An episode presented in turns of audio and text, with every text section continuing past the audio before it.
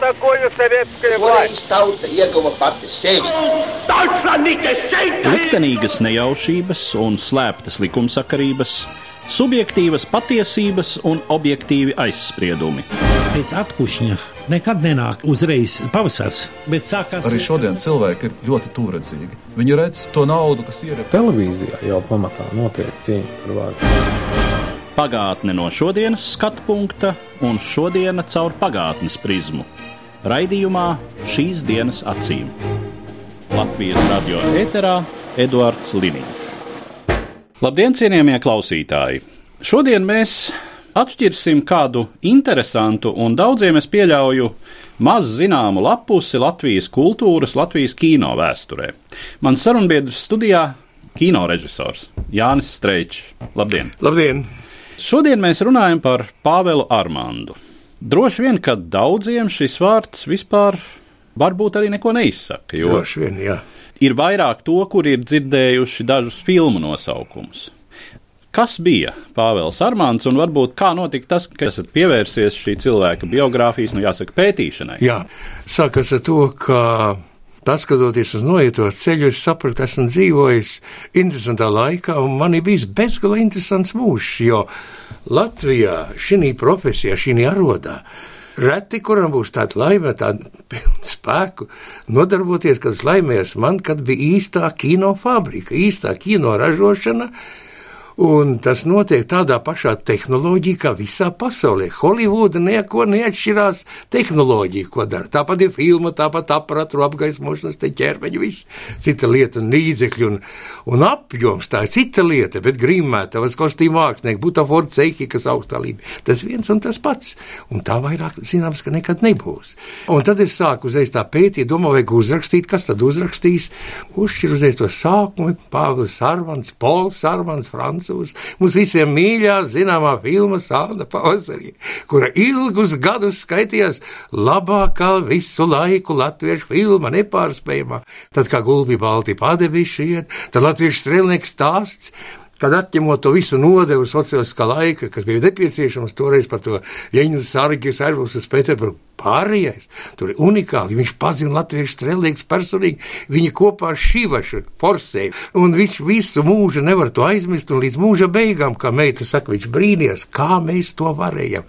Tas ir kaut kas neparasts, kad cilvēks no citas kultūras, no citas zemes, francūzs pēc tautības, kas ir dzimis Krievijā, pārgājis ar visiem vecākiem radrakstiem pareizticībā, arī Rīga apglabāts zem pareizticīgo krusta, beža kapos guļ.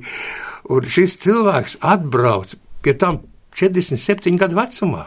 Latvijā viņš Jā. šeit iztaisa savas mūža labākās filmas, kļūst mūsu klasiķis un kļūst mūsu klasiskā kino pamatlicējs.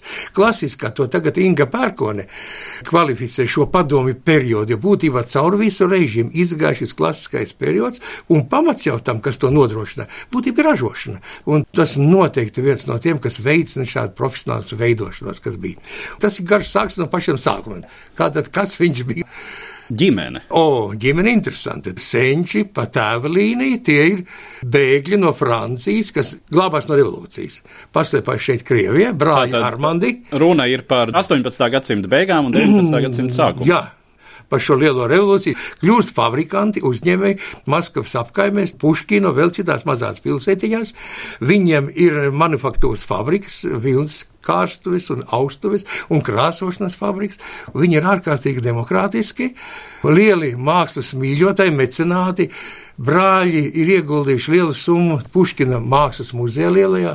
Pie viņa notiek koncerti, labdarības akcijas, apgaismo strādnieks, rīko slimnīcu, pat tik revolucionāri viņam demokrātiski, ka 5. gadā Paula tēvs iziet ar sarkanu karogu pretī strādniekiem un piekrīt daudzām prasībām. Armand. Inese Armand, viņa līdzgaitniece, daudz runā mīļākā, brūte, draudzene tā tālāk. Tā viņa mācmāsa. Ieradās divas meitenes no Parīzes. Abām meitenēm vecāki bija mūziķi, aktieri. Stefānija uzvārds, pie tam tēvs ļoti labs operdziedātājs. Nu, viņa ierodās šeit, viņa tante bija guvernante pie Armandiem, fabrikantiem. Nu, dēli iemīlās. Viens iemīlās Inese, otrs Renē. Ines aprec Borisu, Renē aprec Nikolā, Nikolaju, mūsu varoņa, mūsu klasiķa tēvu Nikolai aprec. Pēc tam Inese pēc laika satuvinās ar jaunāko brāli Aleksandru, viņa pamata vīru un aiziet ar jaunāko brālīti. Jo abus vienos sociālismu idejas. Viņi kā traktika apmāti, viņi slimst ar tuberkulozi, mirst ārzemēs. Viņa paliek tur, nu, tur viņa pazīstās ar Valodiju un ar Nāģiju. Uljānovu un Krupskoju, un kļūst ģimenes draudzene, mājas draudzene, pie tam tik tuvu ar Ļeņinu, jo viņš prata turēt distanci. Un Inese bija viens no retiem cilvēkiem, kas Maskavā uzrunā uz tu un sauc valoģi. Tu bija ļoti maz tādu. Ir gan netīras baumas, gan ļoti cēli, gan apšaubāms, gan pierādījumi īsti nekam nav.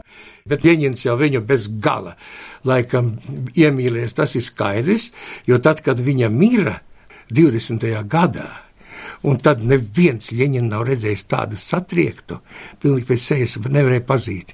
Pols Armāns izaugs tādā ģimenē, revolucionāri noskaņot, ticot ideāliem šiem franču revolūcijas dižiem, tiem viņš ir ticējis visu mūžu. Arī šeit ideāli skaisti, un tie laikam nekad nezudīs pasaulē. Un viņš aiziet uz fronti 16 gadu vecumā. 18. gadā tas notika. Viņš ir dzimis 2. gadā. Tad viņam tagad 110 gadi. Viņš aiziet uz fronti un aiziet kā komisārs, jo savu kadru virsnieku komunistiem nebija. Pārnāca daudz no cara armijas, Tu vajadzētu tos uzraudzīt, un tāpēc ielikt tāds rūtīts bolševiks, kas izglītots students, tāds erudīts cilvēks, kas te uzraudīt. Protams, ka Inese tur pat blakus būdama noteikti iesaka savu ratnieku, zinot, Pāvils, un viņš uz dienvidu fronti, tur, kur Frunze, tur, kur pārējo bruņu vilcieni deviņi komisārs kļūt, 16 gadu vecumā, mūžīgi kontrā ar komandiera viņam gadās tāds grūzīns, Vatsokiki Vidze, leģendārs, bandīts, no kutīsi laikiem pazīstams ar Staļinu. Viņa operācijas bija vienkārši atjautības un huligānismu kalgali, bet neklausīja nevienu, protams, kur vēl tādu komisāru. Nu, bet šādu kikvidzi Neciet laikam arī pats Josips, jo viņš gribēja visus savus līdzgaitniekus iznīcināt, un vienā kaujā tas aiziet bojā. Protams, tie tuvākie cīņu biedri zina, ka tas ir čekis, darbs, lode mugurā, bet viņš apglabāts kā varonis. Ātri viņam sākās, ar ko es jau minēju, šī vašas turmēšana, un notiek pirmā tikšanās latviešiem, kas viņu pārsteidz ārkārtīgi. Tojas vilciens, izlec kaut kādu ārziemu, kaut kādu karavīri, svešā valodā runā, naģenes dīvaini ielaustas, kaut kā uz sānu, tas naks ir pārlausts, ģimnes ķorkas daudz īsākas, tās bikses piešūt, zin, pus galifē pusi zābaki spīd, baltam krāciņam, latviešu strēlnieki tie ir. Pēc Krimas viņš sāka armijas ansambli vairākus gadus, beidza dienas kaut kā 24. Un tad atgriezās tēva fabrikā, tur jau neps jau bija beidzies, nekāda jēga nav. Tas otrskais sistēmā tēvs visi vīlušies, bet nu tā kultūras dzīve Maskvā tur vārās kā nekad. Toreiz visi Meirholda laiks, tā Īrova, jau parādās Eizensteins kā tāds kino gēnijs. Un viņu pamanīja šo puisi, jau viņš sāk spēlēt klavierus, kā tapers. Ārkārtīgi aizrādās. Viņš pats sāka komentēt, atcerēt tekstus, vēl klāt pieliek, uzjaucināt. Pats kā aktieris uzstājas, ka režisors taisīja uzvedumus. Un Vaļkas Kotlnijārda no, no Eizensteina komandas, kas bija draugos ar ģimeni, pamanīja, ka tam mīļas tev iet uz kinoskolu. Boris Čaikovskis vada to skolu kinogrāfisks, jauns, jauns mirā arī, ka iet uz to skolu, Vaļa Skotlina jārada, viņai Vaļa Kuzņecova bija. Viņa bija slavena to, ka pie Eizensteina prata atrast aktierus, tipāžus, kā tagad ir tāds dienas. Vaļa bija fenomena. Viņš nokļuva šī skolā, tā ir īstā vieta. Skola bija unikāla, tāpēc, ka tā izauga ļoti dabīgā ceļā. No šīs skolas izveidojās nākošais Gigs, slavenais visā savienībā. Un tur parādās ir Lievs Kuļiešovs, kas bija sākumā kas ir liels kino novators visā pasaulē, bet sākumā jau viņa visa Krievi aizrāvās ar Amerikas idēmu, jo būtībā viss kino valodas rādīta Amerikā, un tas ir Grifits režisors. Un Grifits jau bija dievs visiem. Pēc tam jau Krievi pielika klāt un Kuļiešova efekti visā pasaulē. Arī Grifits un Kuļiešovs ir divi. Tā bija tāda pasaules pieredzes apkopojuma šī skola. Bet, redz, beidzis to uzteicis kaut kādu vienu tādu darbiņu. Tas sākās, viņš ir tik labs, tik talantīgs, visiem palīdz. Viņš strādā kā otrais režisors. Tas ir tas, kas vada visu filmēšanas procesu Un ir tāds paradoks, ka viņa tajā dzīvē noticis. Talantīgs cilvēks, kas zina valodas, kas zina literatūru, kā reti kurš, kurš zina vairākas valodas, franču valodu, kurš spēlē klavierus kā pats dievs, viņš arī komponists ir. Raksta scenārijus, arī glezniecībā saprot, prot uzzīmēt visu. Viņš pie sava darba netiek, jo viņš ir tik lādzīgs un tik eh, gatavs palīdzēt saviem kolēģiem, vienam palīdzēt padomu, nākošiem te viņi izmanto, bez jēgas izmanto. Atkal nāca Pavluša, nāca pie mums par otro reizi, atkal tur bez tevis nevaram. Viņi pēc tam aizsūdz Armēniju, viņš aizbrauc, tur tas Bekna Zarovs, aktieris režisors, arī liels tāds ierēdnis. Viņš vienu filmu uztais, bet ātri steigā, nekādu ievērojumu tur panākumus tā negūst. Un, Bet atkal viņam jāpalīdz armēņiem. Viņš no sirds palīdz, raksta scenārijus, brauc uz Maskavu, bez gala izsist cauri, pierādīt, palīdzēt. Pats pie sava darba netiek. Satiek Leņķgradieris, Jutkevičs, tur Maskavā brauc pie manis. Es tagad taisu filmu, man vajag kārtīgi cilvēku, man vajag otro reizi ar labu talantīgu. Nu, viņš lielāko prieku pamet Armēniju, brauc uz Leņķgradu, domā, gan jau tiks klāt. Tad ir laikā tāds gadījums notiek, viņam ir draugs Marks Bernis, kas kā dziedātājs sāk uzstājās. Un Marks šausmīgi grib filmēties. Nu, ļoti grib būt aktieris. Jutkevičs uzņem tādu filmu Cilvēks ar šauteni, un šis sacer tam Markam dziesmu. Un sacer vārdus, pals Armāns. Un šī tā dziesma, ko tagad viss kriedziet, tuči nad gorodam stāļi. Viecinam nav dujiet в лицо. Šī tā dziesma ir Armāna dziesma. Тучи над городом стали, В воздухе пахнет грозой, За далекой юнорской засыпавой. Парень идет молодой, Далека ты путь, дорога, Выйдешь, милая да моя, Мы простимся с тобой у порога, И, быть может, навсегда. Мы простимся с тобой у порога, И, быть может, навсегда Черные силы метутся Un dīvaini tas, ka mūzika filmē raksta Šastakovičs. Un cits komponists uzreiz pasūtīja tālāk kaut kā tādu it kā nu, diletantu kā Armāns. Nē, Šastakovičs paņem šo dziesmu, un šī tēma kļūst par motīvu visai filmai. Viņš dramaturgijas apstrādā. Tā sākās draudzība ar Šastakoviču, un pat blokāts laikā viņš visu mūžu nevar aizmirst, ka Šastakovičs satic viņam maizes klaipu iedot. Tā sākās viņa otrā režisora gaitas, bet sākās karš. Līdz tam Pols Armāns bija strādājis tādās militārās studijās, veids tādas mācību filmas. Viņam liekas, ka tā padoma armija tik varena, jo visi parāda no šīs varānās puses. Viņš domā, viens, divi sasitīstos. Nu, viņa tur tā bija. Nu, sākās milzīgā Ļeņgrāds blokāde, ka viņš tikko palika dzīves, kā ģimenes bija. Un pat pārvilkās vienreiz mājās, ka nebija spēka pat durvis atvērt. Viņš dzīvo pie viena režisora ģimenē. Tas ir drausmīgs stāsts par blokādi. Ja studija aizbrauca visu uz Almatu, bet viņš palika kā patriots. Viņš armijas studijā darbojas, uzņem tādas kronikas dažādas, uzņem pat vienu mākslas filmu, cimdiņa saucās. Tāda īsa mākslas filma par to, kā meitene aizsūta dūrainīšus uz fronti visdrosmīgākam karotājam. Filmu neesmu redzējis. Nu, tad pusdzīvu aizved viņu uz Almatu, kad beidzās karš, no Almatas atgriežas atpakaļ. Atkal viņš ir otrais režisors, atkal neko pie darba netiek. Un tad viņš iepazīstas ar vienu sievieti, kurai smagi klājās. Viņam sirds bezgalīgi lācīgs cilvēks.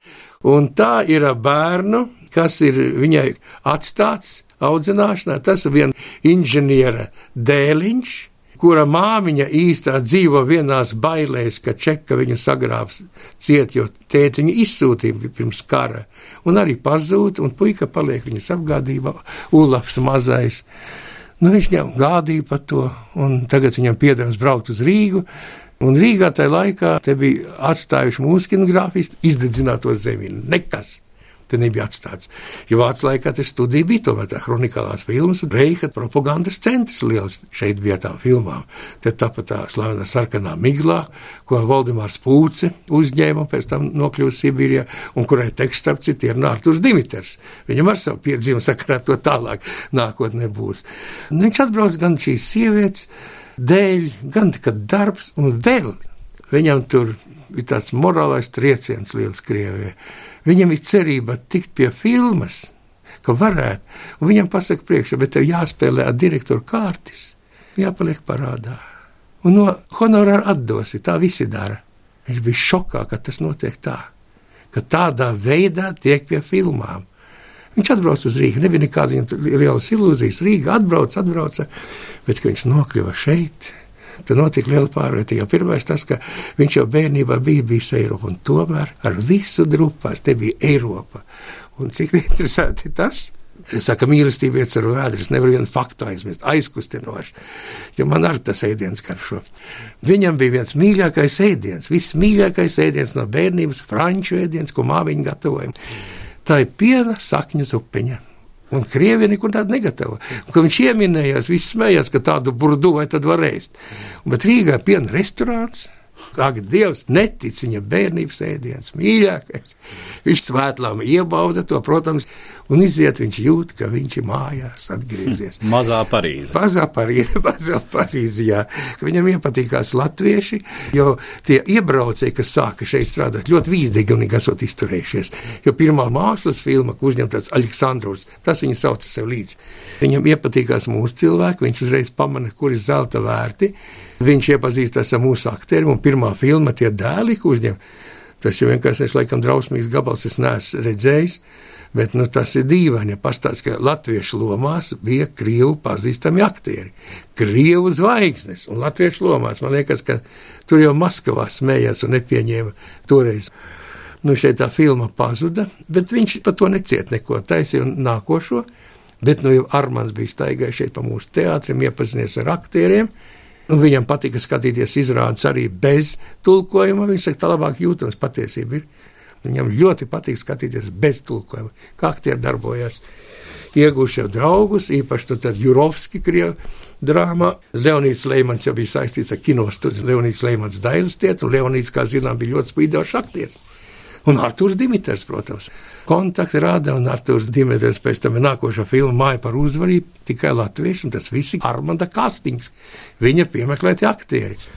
Vēl otra lieta, viņš tad daudz tā dublāžu ielikt, toreiz ārkārtīgi dublēja filmas netik traki vajadzēja pārkrīvot mūs, bet kā to padomju garu tas bija svarīgāk. Jo tās filmas, kā Kubaņas kāzaki, kā Zelta zvaigznes kavalieris, tā bija pasaka pa Krieviju, teiksme pa Sibīrijas zemi, Berlīnas krišana, Staļins pat runāja latvisku. Filipsons dublēja Staļinu, un toreiz naudiņu, kas saņēmis, esot koferītī gājis pēc naudas. Tā ka gan dublāži ielika pamats, tā sākās, bet viņu ieinteresē latviešu kultūra. Blaumani iepazīst, viņš cik var lasa Blaumani, viņa aizrauja mūsu atmodas kustību jaunatviešu kustība, Jonatana biedrība. No tā rezultātā radās šie kā gulbi balti padevēši un tālāk. Viņam diži plāni, viņš sapņo par mērnieku laikiem.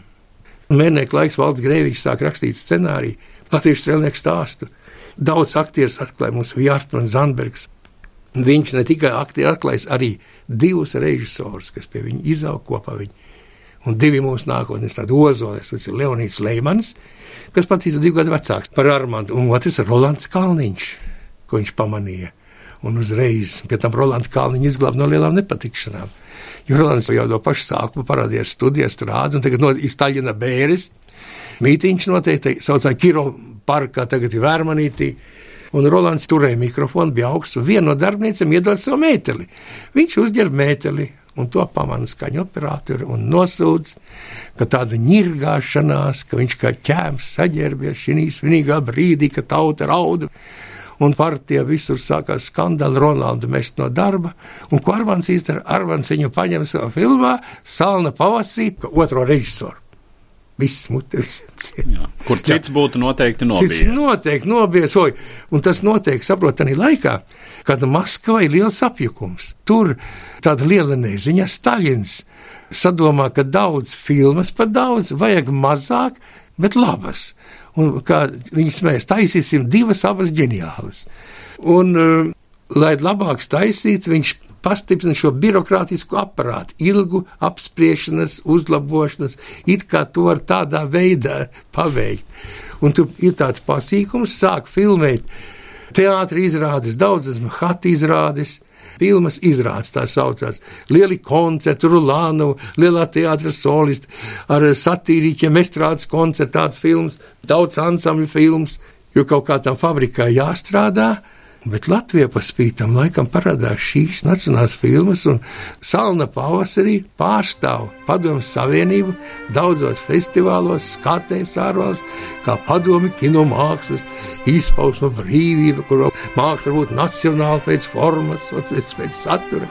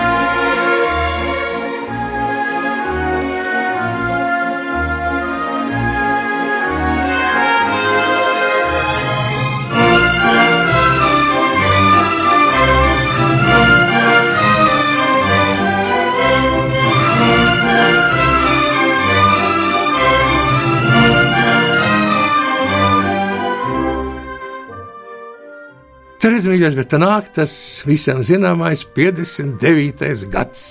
Un tad daudzām šīm iecerēm, ieviši Armandam, ir krusts uzlikts.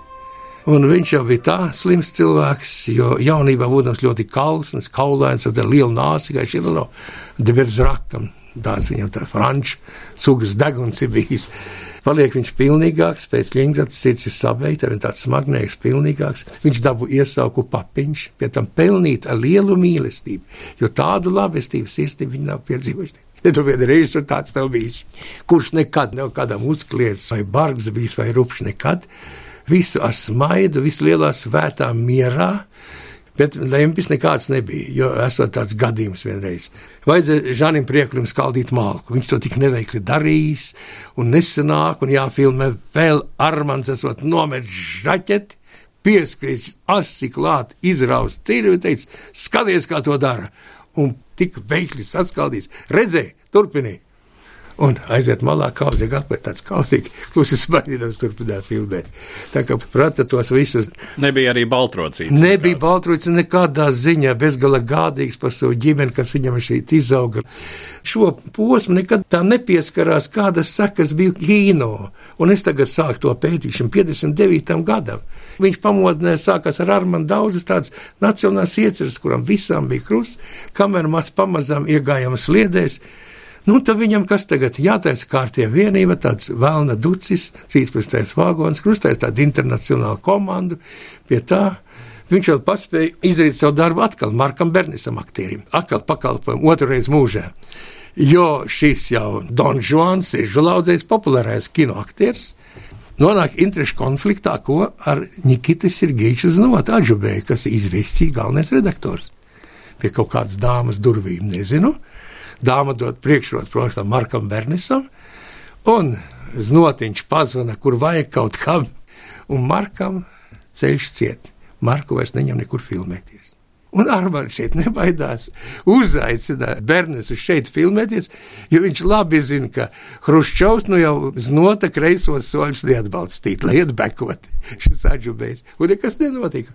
Un atkal Marks filmējās un nebija kur atkauties. Tā ka viņš vismaz tik daudz izdarīja. Nu tad nāk vēl viens traģiskākais gadījums, kas seko viņam. Baltkrievijā tāds režisors Koršs Sablin, kas taisa filmu par Čičerinu, tas ir pirmo padomu diplomātu. Armāns tos laikus ļoti labi zina, pazina daudz īri personīgi, pašu ķerni ieskaitot. Un tad, kurš sablīns saslims, noguļās ar sirdi, aicina Armānu no Latvijas. Tas ierodās, bet tomēr šī filma, kas skan tādu politisko Krievijas dzīves momentu, tik daudz redaktūras labojumu bez gala viss, ka viņam pašam tā sabeidz to sirdi, ka viņš pats noguļās. Un ka filma gatava paņem kaut kas tas, ka bija skaņu operators samontē, ieskaņo un uzraksta tikai savu uzvārdu. Viss. Kā režisors. Kā režisors, un šis paliek bez naudas, bez nekā, ģimene lieliņa, tas ir tāds trieciens. Viņš ir 62 gadu vecumā, apglabāts meža kapos, pēc tam tā taisnība uzvarēja. Protams, ģimene to daļu naudas, kas pienākās, saņem filmu, izgāja tā tīri labi. Tāds ir šis stāsts par šo neparasto cilvēku, godīgu. Latviešu valodā saprata, kauties runāt, bet saprata. Gunārs Placens stāsta tādu gadījumu. Filmā Latvijas strēlnieks stāsts, ka Zandbergs jau tā ierāvis drusciņš, saka, ierind, nek placen, kur tu noslēpi to polču pudeli, lūdzu, reportē man. Tas ziņo, pulkveškungs, tā aiz dekorācijām, aiz maisiem, tur zem groze. Armāns, ak tā, filmēšana stop, aktieri dzer, viss pārtos filmēšana. Bet tomēr nedzēra, viņš prata ļoti mierīgi izlīdzināt to visu. Jūs pats pagodu sastapt? Nē, tur tā nelēma, ka nē. Es atnācu 63. gadā. Un viņš ir 64. Tad viņš bija Baltkrievijā. Man liekas, pat lāgā redzējis, nesmu. Tu tā nelēmi, bet man tāds sirdsapziņas pārmet, un kāpēc es tik vēlu sāku interesēties. Bet, paldies Dievam, es sen pazinu viņa dēlu Stāsiku, kas strādā kino studijā krietnes puisis sirsnīgs. Un kā arī aizgāja viņu mājās, un tad viņam Stāsikam tā māsa arī nebija, un tagad, kad sāk interesēties, ne jau tikai Armans vien, man uz ētru blakus nāk Leonīts Leimans un Rolands Kalniņš, kuram vakar 90 gadi palika. Un starp citu, ja runājam par Latviju, kas man vakar aizskarļot, runā Rolands Kalniņš kas visvairāk cietis no padomu iekārtas. Kāpēc mēs tā sevi cietis? Es teiktu, Rolands Kalniņš, kurš bija visvaronīgākais no režisora padomu sistēmas laika, vai ne? Tā jāsaka. Jūsu darbošanās rezultātā jau taps publikācijas. Jā, jā, tās, tas, un pie tam arī Zinātņu akadēmija pasūtīts mums tieši šī nacionālās identitātes. Vai, būs kāda grāmata? Nē, tas ir tāds raksts Latviju un latviešu, un es ierosināju pat šo tēmu. Sākumā par Armanu teicu, ka kā par šauris gāja tālāk. Nu, man gribās, kā šī mūsu nacionālā identitāte nostiprinās, veidojās mūsu kino procesā šī klasiskajā periodā. Nu, tā pirmais, protams, ar ko sāk pētīt, tas ir Pols Armans. Tas ir zīmīgi, un arī, es domāju, Latvijas gadījumā patiešām simboliski. Pamācoši pie šīs dienas. Jā, ievērojot to, kādas latviešu kultūrai ir attiecības ar Franciju. Un mm. laika pa laikam mēs tos franču impulsus iegūstam, tad tie impulsi vienmēr Latvijai ir šķituši ļoti rosinoši. Un gandrīz vai es gribētu teikt, ka vienam latviešu inteliģentam 20. gadsimtā jautātu, nu kas ir tāda Eiropa par excellence, kas ir Eiropas Eiropa Latvijai, nu tā tomēr ir Francija. Latvijas izjūta par to, ko nozīmē būt īstam Eiropietim, nu, tas mhm. nozīmē būt drusku līdzīgam francūzim. Un šajā gadījumā ļoti zīmīgi, ka Latvijas kino pamatus ir licis franču izcelsmes režisors. Un kuram franču valoda bija dzimtā valoda, mājas valoda, kā meita saka. Meita dzīvo Maskavā, Renē, viņa arī Pāvila māsas vārdā nosaukt, un kā Pāvils apgalvo, ka ļoti, ļoti līdzīga mātei. Meitu viņš audzināja lielā mīlestībā, bet mākslu viņš uzrakstīja viņai mīli tautu un mākslu. Ļoti skaisti. Noslēdzot mūsu sarunu, tas, ko vajadzētu pateikt, un kur es ceru uz jūsu kino profesionāļa precīzo skatījumu. Kā jūs raksturotu to kredo, to būtību, tos principus, kurus latviešu kino tad ir pārmantojis un attīstījis tālāk? Ko no viņš Paula Armanda. Un ko viņš pamanīs? To, ka katrā tautā tautas etniskā būtībā, vēsturē, kultūrā. Reiz, kad viņš griezās pie blaumaņa un būtībiem, mēs paskatījāmies arī tālāk, šie labākie darbi mums tomēr ir bijuši, kas ir saistīti latviešu literatūru, latviešu klasiku. Tas ir tas ko viņš tad iedrošinājās. Viņš šeit iebraucējis, jo tas atcies pēckara laiks, represija laiks, kad mēs bijām ārkārtīgi piesardzīgi. Viņš iedrošināja to un meklēja savā tautā, savā būtībā. Tieši no tā jāsāk un viņš to sajūta.